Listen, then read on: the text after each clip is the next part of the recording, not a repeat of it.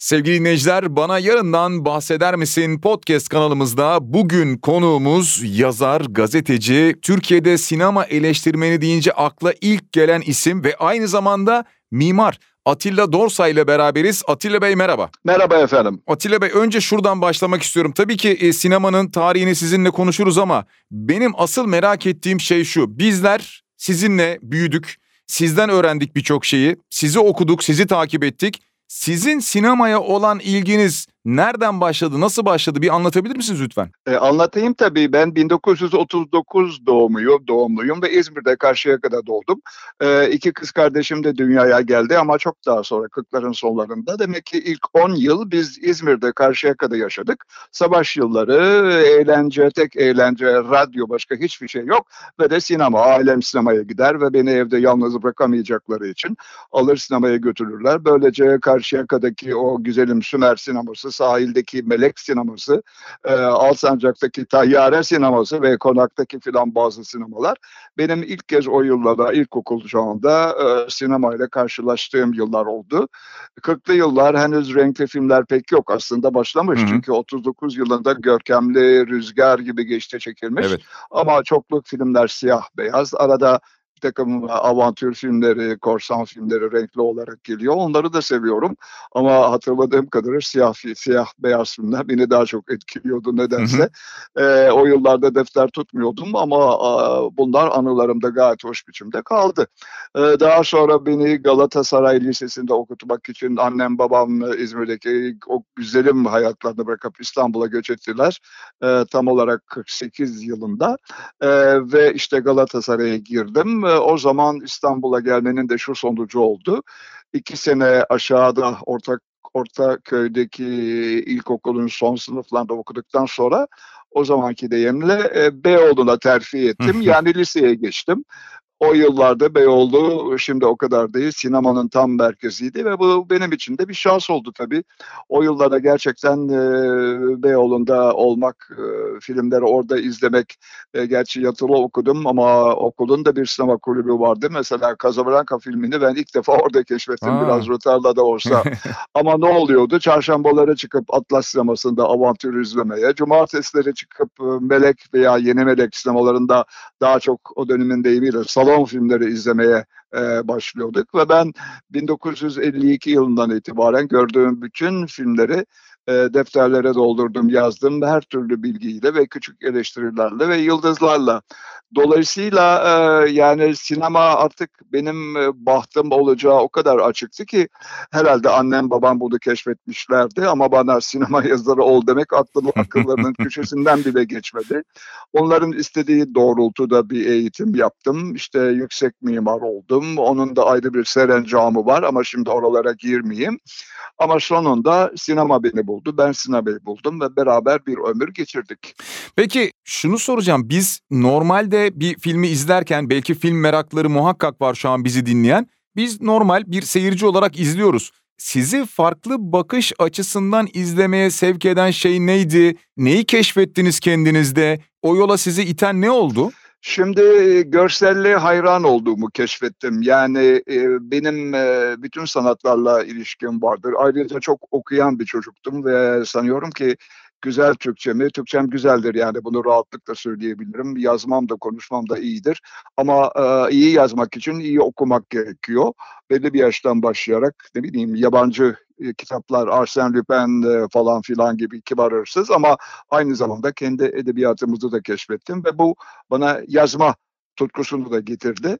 Ee, sonra e, sinemada her şeyi buldum. Yani macera vardı, e, avantür vardı, dram vardı, komedi vardı, gerilim vardı. Mesela sonradan en çok sevdiğim Türk kara film dediğimiz o gerilim filmleri bir anlamda da polisiye filmleri olmuştur. O türü hala çok severim. E, bütün aradıklarımı bulduktan sonra niye sinemaya ben bu kadar gönül vermeyeyim ki? Ama başka şeyler de yaptım. Yani müzik konusunda müzik programları yaptım, müzik kitapları yazdım. Yıllarca müziği de en yakın bir dostum olarak bildim. Diğer sanatları da izlemişimdir, tiyatroyu vesaire. Ama sinema zaten bütün bu sanatların bir birleşimi biliyorsunuz. Hı hı. Yani yedinci sanat sonuç olarak bütün bütün diğer sanatlardan bir kere senaryodan başlayarak edebiyattan en başta yararlanan bir sanattır. Ve iyi bir filmde bu sanatların aşağı yukarı hepsini bulursunuz. Bu diğer sanatları küçümsemek için bir neden değil. Aman katiyen böyle anlaşılmasın. Ama sinema e, sonuç olarak en çok e, doyuran sanattır ve bu yüzden de e, 100 yılı aşan bir sürede biliyorsunuz en popüler sanat oldu. Sinemanın popülerliğine e, diğer sanat dalları ulaşamadı. E, bu da çok doğal. Atilla Bey bir sonraki soruya geçmeden önce şunu söylemek istiyorum. Gerçekten hep öyleydi ama müthiş bir Türkçeniz var. Çok güzel bir Türkçeniz var. Çok akıcı konuşuyorsunuz. Belki bu zamana kadar yaş aldınız ama hiç yaşlanmadınız. Öncelikle çok hayranınız olarak bunu söylüyorum size. Sonra hemen biraz geçmişe döneceğim. Sinemanın hayatımıza etkisini sormak istiyorum size. İnsanlık tarihinde sinemayı nereye oturtursunuz? Hayatımızdaki önemi nedir? Şimdi öncelikle bana yaptığınız komplimanlar için çok teşekkür etmek isterim. İyi ki teklifinizi hemen kabul ettim de bu programı yapıyoruz. Yani çünkü hiçbirimiz hele benim gibi 80'de ulaşmış bir insan her açıdan e, her tatmin oluyor, her açıdan mutlu, her açıdan hayatla barışık denemez. Bir sürü sorunu yaşıyoruz. E, böyle bir dönemde bu komplimanlar, bu tatlı sözler bana çok iyi geldi. Hakikaten teşekkür ederim. Şimdi sinema tabii dünyanın tarihini değiştirdi. Malum 1895 yılında keşfedildi. 19. yüzyılda bu alanda yapılan bir sürü deneyim vardı ama ilk filmin gösterilmesi 1895 yılında Paris'te oldu. Bizde 1900'lerin hemen başlarında da filmler gösterilmeye başlamıştı. Bütün dünyayı şu şekilde etkiledi. Ee, bir Fransız keşfi olmasına rağmen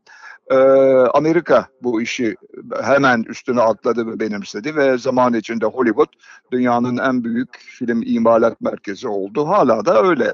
Ama bunu da yalnızca ya işte adamların parası vardı üste çıktılar diye e, küçük görmemek lazım. Hollywood hakikaten e, Amerika'nın temsil ettiği kapitalizm e, felsefesi çevresinde daha çok para getirmeyi deneyen filmler yaptı. Hep yaptı hala da yapıyor. Ama sanata da önem verdiler, sanatçıya da önem verdiler ve her e, sinema severin veya sinema yazarının e, iyi filmler listesinde birçok Hollywood filmi ve yönetmeni mutlaka vardır. Ama sonra Fransızlar, e, Almanlar, Japonlar hatta Hintliler, bütün Avrupa ülkeleri e, hatta Orta Doğu, Türkiye'de buna dahildir. Sinemaya dört elle sarıldılar. E, dünyaya tabii bir büyük eğlence, bir büyük vakit geçirme fırsatı getirdi. Yani e, bütün o büyük savaş yılları boyunca, aradaki gerilim yılları, soğuk savaş yılları boyunca insanlar sanıyorum ki en büyük teselliyi beyaz perdede aradılar, sinemada aradılar. Ee, bizim için de öyle oldu. Yani bizde iki, 1914 yılında başladı biliyorsunuz. 2014 hı hı. yılında bizde de sinemanın 100. yılı kutlanmıştı. Herkes kitaplar yazarak ben dahil. Ee, 2000, evet. bin, pardon 1914 yılında başlayan sinema Bizde işte Muhsin Ertuğrul'un da aşağı yukarı tek isim olmasıyla bir 20 yıla yakın sürdü. Sonra bir takım filmler yapıldı. Ama 60'lardan sonra asıl büyük popüler e, sanat oldu. Çünkü Yeşilçam başladı. Büyük yapımcılarıyla, yatan paralarla, yetişen teknisyenlerle, ilk defa doğan star sistemiyle, büyük yıldızlarla ve de muhteşem yönetmenlerle bir 20-25 yıl süren bir Yeşilçam. Ondan sonra Yeşilçam'ın yerine değişik dönemler geldi. Bugün artık e, zaten uzun zamandır uzun zamandır yoktu. Yeşilçam diye e, bir sistem yok. E, batı'ya daha yakın. E, kitle filmlerinin yapıldığı, sanat filmlerinin yapıldığı, her türlü filmin yapıldığı ve e, her türlü filmin e, seyirciye ulaşılmasının e, ulaşılmasına çalışıldığı bir dönem. Onun da parlak dönemleri oldu, onun da zor dönemleri oldu. Bu tabii en son bu pandemi olayı e, bütün dünya sinemasında olduğu gibi hemen söyleyeyim bize de çok darbe vurdu. Şimdi adeta hı hı. her şey yeniden doğuyor. E, yani sinemalara gidiyoruz. E, vallahi bazı filmlerin dışında evet birkaç film çok tuttu ee, ama bazı filmlerin dışında oldukça az seyirci var. Nerede o eski seyirci?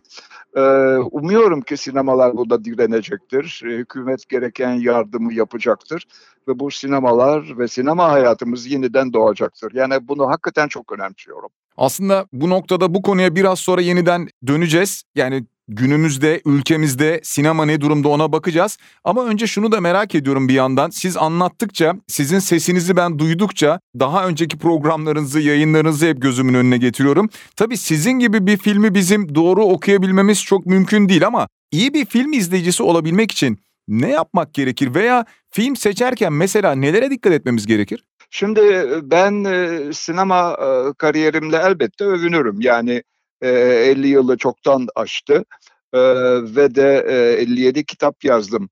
Yani bu bir rekordur. Bunu çok açık olarak söyleyeyim. Dünyanın hiçbir evet. ülkesinde bir sinema eleştirmeni bu kadar çok kitap yazmamıştır. Ama ben burada biraz da kurnazlık yaptım tabii. Hem e, birikmiş yazılarımı kitaplaştırdım. Gerçi Batı'da da bunu yapıyorlar. Ama onun dışında evet. sinemanın dışında da dünya kadar kitabım var benim. Portreler var, yemek yazıları var, gezi notları evet. var, bir hikaye, bir e, şiir kitabı var. E, ne bileyim ben bir sürü şey var. Onları da katınca tabii e, diğer eleştirmenlere kıyasla Batı'dakiler dahil kitap sayısı otomatikman yükseliyor.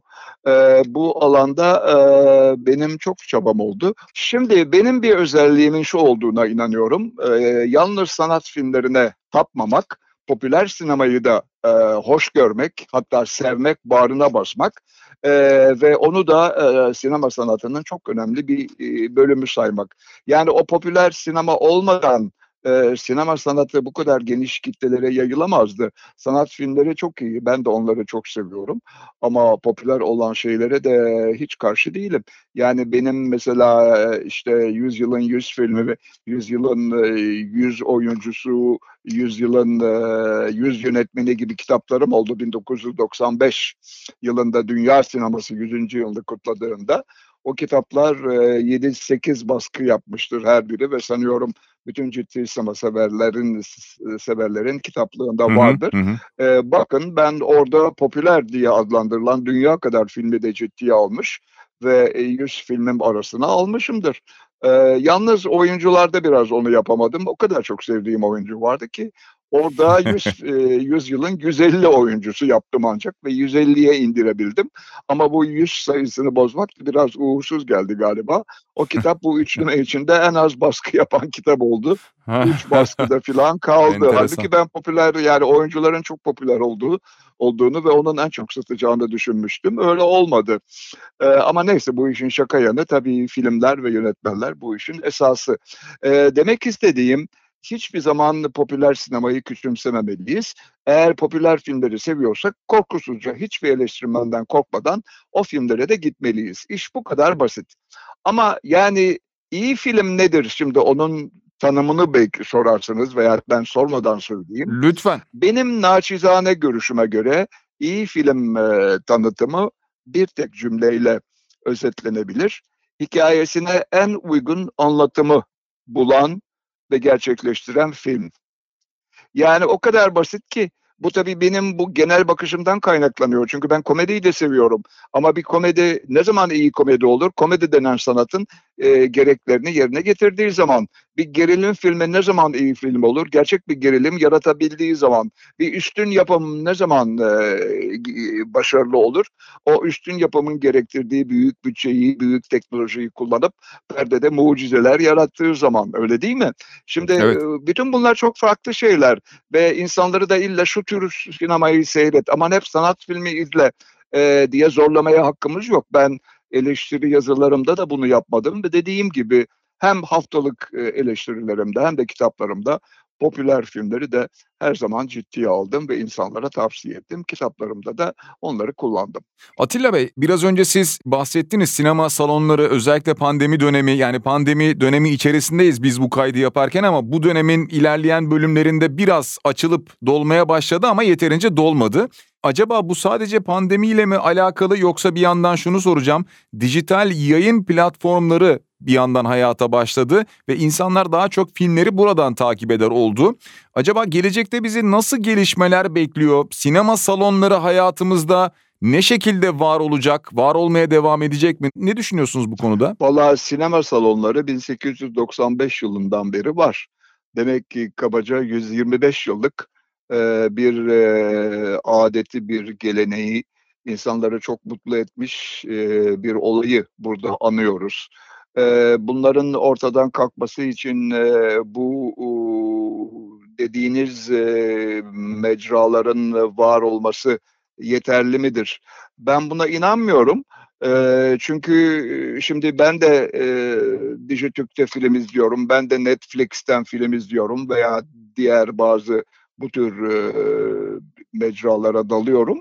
E, ama e, zaten e, her şeye rağmen temel kapitalist görüşünü tümüyle yitirmemiş olan Batı ülkeleri bunun çaresini eninde sonunda bulacaklar ve filmler öncelikle o mecralarda veya da aynı anda o mecralarda oynamayacak. Önce sinemalara gelecek.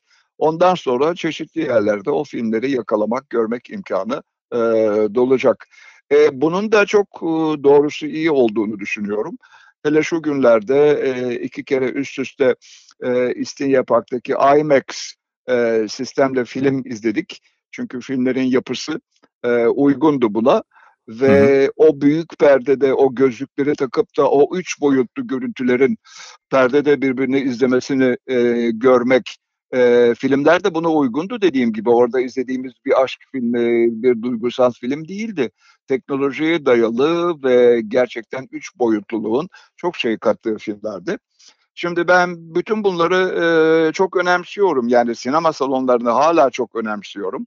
E, işte e, biz e, basın gösterimlerinden daha önce bu filmleri izliyoruz. E, bazen e, dediğim gibi İstinye Park'ta IMAX başka Türkiye'de nerede var onu da bilemiyorum. Birkaç yerde daha var galiba Hı-hı. ama az. Hı-hı. Ama onun dışında da işte biz e, Kanyon sinemalarında, Beyoğlu sinemasında e, bu filmleri e, izliyoruz. E, IMAX değilse bile büyük keyif alıyoruz. E, bazı filmlerde çok doluyor yani e, bu son James Bond çok ilgi görmüş. E, bir de Beyoğlu Majestic sinemalarındaydım. Beyoğlu'nu çok sevdiğim için dün birkaç saat geçirdim orada. Orada Hı-hı. da Majestic denen o aslında mütevazi ama son derece güzel perdeleri olan e, 4 salonluk merkezde de e, Dune filminin yeni çıktığı biliyorsunuz. Hmm. Çok iyi iş yaptığı söylendi bana. Valla o kadar sevindim ki sanki benim salonummuş ve e, o parayı ben kazanıyormuşum gibi mutlu oldum. E, demek ki iyi filmler iyi iş yapmaya başladı. Yani iyi filmler demeyeyim ama çekici filmler iyi iş yapmaya başladı. Bu herhalde böyle devam edecek diye düşünüyorum. Sinema salonları da kendilerini acaba dönüştürecek mi? Teknolojiye ayak mı uyduracak? Biraz daha geliştirecek mi? Ne dersiniz? E, Valla şimdi dün Beyoğlu sinemasında e, bir film izledik. Yeni Düzen diye bir film. Bir süre önce bir eleştirmen arkadaşımız Beyoğlu sinemasında mutlaka kendisini yenilemeli, işte perde karanlık falan filan gibi laflar etmişti. Ben de biraz korkarak gittim. Pırıl pırıl bir perde, ekran daha geniş, bütün sistemi yenilemişler ve perdede harika bir e, izlenim aldık. Hmm. E, Atlas sineması yenilendi ve çok iyi bir gösterim sahibi. E, bir müjde benim gibi Beyoğlu ve eski salon aşıkları için. Alkazar sineması ha, önümüzdeki evet. günlerde açılacak. Küçük bir salondur ama hakikaten sinema tarihimizde e, başlıca e, bir yer tutmuştur. E, Fitas sinemasını ben kapalı sanıyordum. Meğer açıkmış. Orada da bir sunuş yapacağım ben yapacağım ben önümüzdeki ayın başında.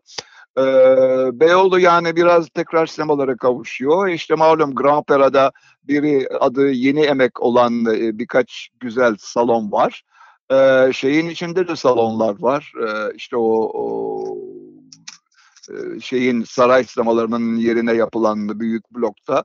Ee, orada da salonlar var. Bütün bu salonlar gerçekten e, değerlenirse, iyi kullanılırsa Beyoğlu da yeniden e, bir sinema merkezi haline dönüşebilir. E, zaten bir, bir yüzyıla yakın bu rolü oynamıştı.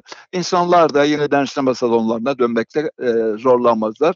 E, her yerde bir salon görürler, bir salon bulurlar ve böylece bu iş düzelir diye düşünüyorum. Ama yani benim genelde bir iyimserliğim vardır sevgili dostum. Hı hı. E, bu iyimserliği hiç kaybetmedim, bu yaşımda da kaybetmedim.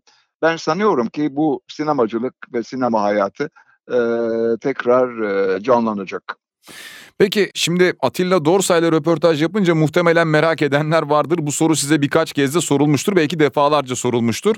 Şimdiye kadar aşağı yukarı kaç film izlediniz ve bu filmler içerisinde böyle hiç unutmam dediğiniz aklınıza hemen ilk gelen bir film var mı? Valla kaç film izlediğimi bulamayacağım. Matematikle aram pek iyi değildir. e, hakikaten çocukluğumdan beri nasıl bunu bulabilirim ki? Ama size mesela başka bir rakam verebilirim. E, bende e, Türkiye'deki en büyük DVD arşivlerinden biri var. Kabaca 7500 e, ve çoğu klasik film olmak üzere 7500 hı hı. filmin DVD'sine sahibim. Aynı şekilde müzik merakımda olduğu için e, yine en azından 5000 CD sahibiyim. Ve bunları ben izliyorum, izledim. Hele her ay Milliye Sanat Dergisi'ne e, sinema tarihinden e, unutulmaz bir film, temalı bir film yazdığım için her ayda bir, bir film seçip e, yazıyorum. E, ama yine de bu film, bu arşivle, bu arşivi tümüyle kullanmam söz konusu değil. E, şimdi benim en büyük arzularımdan biri onu da söyleyeyim. Bu e, CD'leri ve özellikle bu DVD'leri ve aynı zamanda benim sinema kitaplarımı veya sinema ödüllerimi de içeren bir yer bulup burasını bir tür Atilla Dorsay Müzesi olarak sinema sanatseverlerin hizmetini açmak. Bu konuda her türlü teklifi açayım da söyleyeyim. Oo, harika. Hakikaten bunları kullanacak gençler olacak. İleride bu bir klasik filme e, illa da e, işte Mubi'de bilmem nerede beklemek yerine hemen e, gider gitmez yani istediği anda gidip Hı-hı. oradan o filmi alıp orada veyahut da nasıl derler ödünç alıp imza karşılığı gidip evinde izlemek ve getirmek e, bütün bunlar mümkün olacak. E, bu konuda bir küçük de olsa katkımın olacağını umuyorum. Çünkü sinema tarihinde hep izlenmesi gereken çok film var. Muhakkak olacaktır. Atilla Dorsay Müzesi.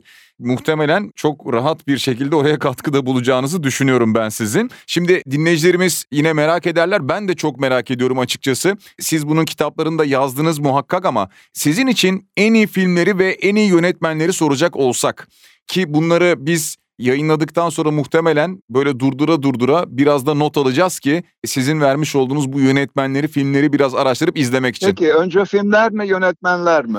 Valla siz hangisini istiyorsanız, sizin için hangisinin daha önemli olduğunu da anlarız. Peki yönetmenlerden başlayalım. Tamam. Şimdi sessiz sinemayı ihmal etmemek lazım. Amerikan yönetmeni Griffith çok büyük e, öncülükleri olan ve sinemaya çok şey getiren bir adamdı. Hemen arkasından Rus yönetmeni Sergei Eisenstein'ı e, hatırlamak lazım. Onun da teknik açıdan ve tabii temalar açısından da getirdiği çok şey var. Amerika'ya dönersek Charlie Chaplin hem yönetmen hem yazar hem besteci hem oyuncu olarak sinemanın en büyük birkaç isminden biridir. Fransız'da da Jean Renoir e, 30'lu yıllarda çok etkin olmuştu. Orson Welles hem oyuncu hem yazar hem de yönetmen e, bilindiği gibi o iri vücuduyla e, gerçekten e, Yurttaş Kane filmiyle e, dünya sinemasında çok büyük bir armağan e, armağanda bulunmuştu. E, Amerikalılara dönersek John Ford, e, John Huston çok iyi yönetmenlerdi ama hemen buradan 50'lerde e, İtalyan yeni gerçekçiliğine daha doğrusu 40'larda ve 50'lerde dönmek ve örneğin Roma Açık Şehir filmini yaratan Roberto Rossellini'yi, hmm. bisiklet hırsızlarını yaratan Vittorio De Sica'yı anmak lazım. Ama Hollywood yine boş durmuyordu. İngiliz yönetmeni Alfred Hitchcock Amerika'da hayatımızın en güzel gerilim filmlerini bize sundu. Yine Amerikalı Nicholas Ray ama arkasından gelen yeni Fransız dalgası ve Alain René, Jean-Luc Godard gibi onun yönetmenleri. Sonra Amerika'ya dönelim. Stanley Kubrick, arada bir İspanyol durağı verelim ve Louis Buñuel'i analım. Amerika'ya dönersek yine Francis Ford Coppola çok büyük bir yönetmendi. Evet. Japonya'da Akira Kurosawa'yı ve Macar yönetmeni Krzysztof Kieślowski'yi de anmak lazım. Yine Amerika ile bitirelim. En azından 20. yüzyılın sonlarında hı hı. ve bu yüzyılın başlarında iki büyük yönetmen Quentin Tarantino hı. ve Steven Spielberg de son derece önemli isimlerdir. İsterseniz filmlere bir geçelim. Lütfen geçelim. Potemkin Zırhlısı, Eisenstein'in filmini çok önemserim. Evet. Frankenstein unutulmuş bir yönetmenin 1931 e, yapımı James Whale ama benim şimdiye kadar gördüğüm en etkileyici korku filmidir. Bu türü de çok severim. Chaplin'den Modern Zamanlar, e, Rüzgar gibi geçti filmi, ilk büyük renkli film ve unutulmaz bir e, aşk hikayesi. Fransızlardan e, işte o, oyunun kralı Jean Renoir'ın e, Citizen Kane, Yurttaş Kane bir an önce, biraz önce almıştım. John Huston'dan Malta Şahini, Casablanca, savaşta aşk temasını en iyi işleyen film. Hı hı. Ee, işte Rossellini'nin Roma Açık Şehir filmi, e, De Sica'nın, Vittorio De Sica'nın Bisiklet Hırsızları, daha sonra Johnny Guitar adlı unutulmaz western, e, Elia Kazan'ın e, Rıhtımlar Üzerinde On the Waterfront adlı Marlon Brando'yu da lanse eden film filmi, e, Hitchcock'un bence başyapıtı olan e, e, Ölüm Korkusu, Vertigo, e, daha sonra Ingmar Bergman adlı büyük e, İsveç ustasının ki onu da belki demin anmalıydık, Yaban Çilekleri adlı filmi, Hı hı. e, Alain René'nin Hiroshima Mon Amour ki emin olun sinemadaki anlatım yöntemlerini ciddi biçimde e, değiştirmiştir. Yine Fransa'dan e, Jean-Luc Godard'ın Serseri Aşıklar filmi de yine bu o, yeni dalga denen akımın büyük bir örneğidir. E, daha sonra e, yine e, Hitchcock'tan Sapık Psycho filmini de hep Evet. dehşetle hatırlatır e, hatırlarım ki bir korku filmini dehşetle hatırlamak tabii onun çok lehine bir şey. Evet. Ee, Kubrick'in 2001 Uzay Yolu Macerası, ee, Louis Bünye'nin belki en güzel filmi olan e, Burjuvazi'nin Gizli Çekiciliği, ee, Yıldız Savaşları Star Wars serisi ki bence sinemada çok şeyi başlatmıştır. Ee, onu kabul etmek lazım. Keşlovski'nin Üç Renk üçlemesi ve nihayet e, Tarantino'nun e, ucuz roman Pulp Fiction filmi ki 1994 yapılı e, tarihi e, bu film e, o zamanın Z kuşağı tarafından çok sevildi ve o kadar övüldü ki bir yerde ben şöyle yazmıştım. Sinemayı Tarantino'yla e, başlatan bir kuşak doğdu. Hı. Aman lütfen biraz da gerisine baksınlar tarzı bir şey yazmıştım. Ve bugün de bu fikri koruyorum tabii. Tarantino'ya ben de hayranım ama daha öncesinde bilmek gerekiyor. Peki son dönem için bize önerebileceğiniz, son günlerde, son aylarda belki de seyrettiğiniz, izlediğiniz, beğendiğiniz, sizin beğeniniz içerisinde yer alan bir film, bir oyuncu veya bir yönetmen var mı? Biraz son dönemden bakacak olursak. Aa işte bu soru da tuzak soru. Hiç bakmamıştım. Şimdi hatırlayamayacağım ben tabii. Ama son e, James Bond'u çok sevdim. Gerçekten söyleyeyim. e, 27. Bond filmi mi nedir? E, fakat Hı hı. son derece akıllıca çekilmiş bir film. E, kendine özgü e, bir takım e, yanları var. E, onu mutlaka tavsiye ediyorum. Sizden sonra gelen sinema eleştirmenlerini nasıl buluyorsunuz, nasıl değerlendiriyorsunuz? Son olarak onlara bir tavsiyeniz olur mu? Hepsini çok seviyorum. Hepsi çok gayret gösteriyorlar. Ee, bir de özellikleri var. Farklı alanlarda daha uzmanlaşıyorlar. Bu açıdan yeni kuşağı çok beğeniyorum. Tıpkı Türk yönetmenlerinin yeni kuşağını beğendiğim gibi.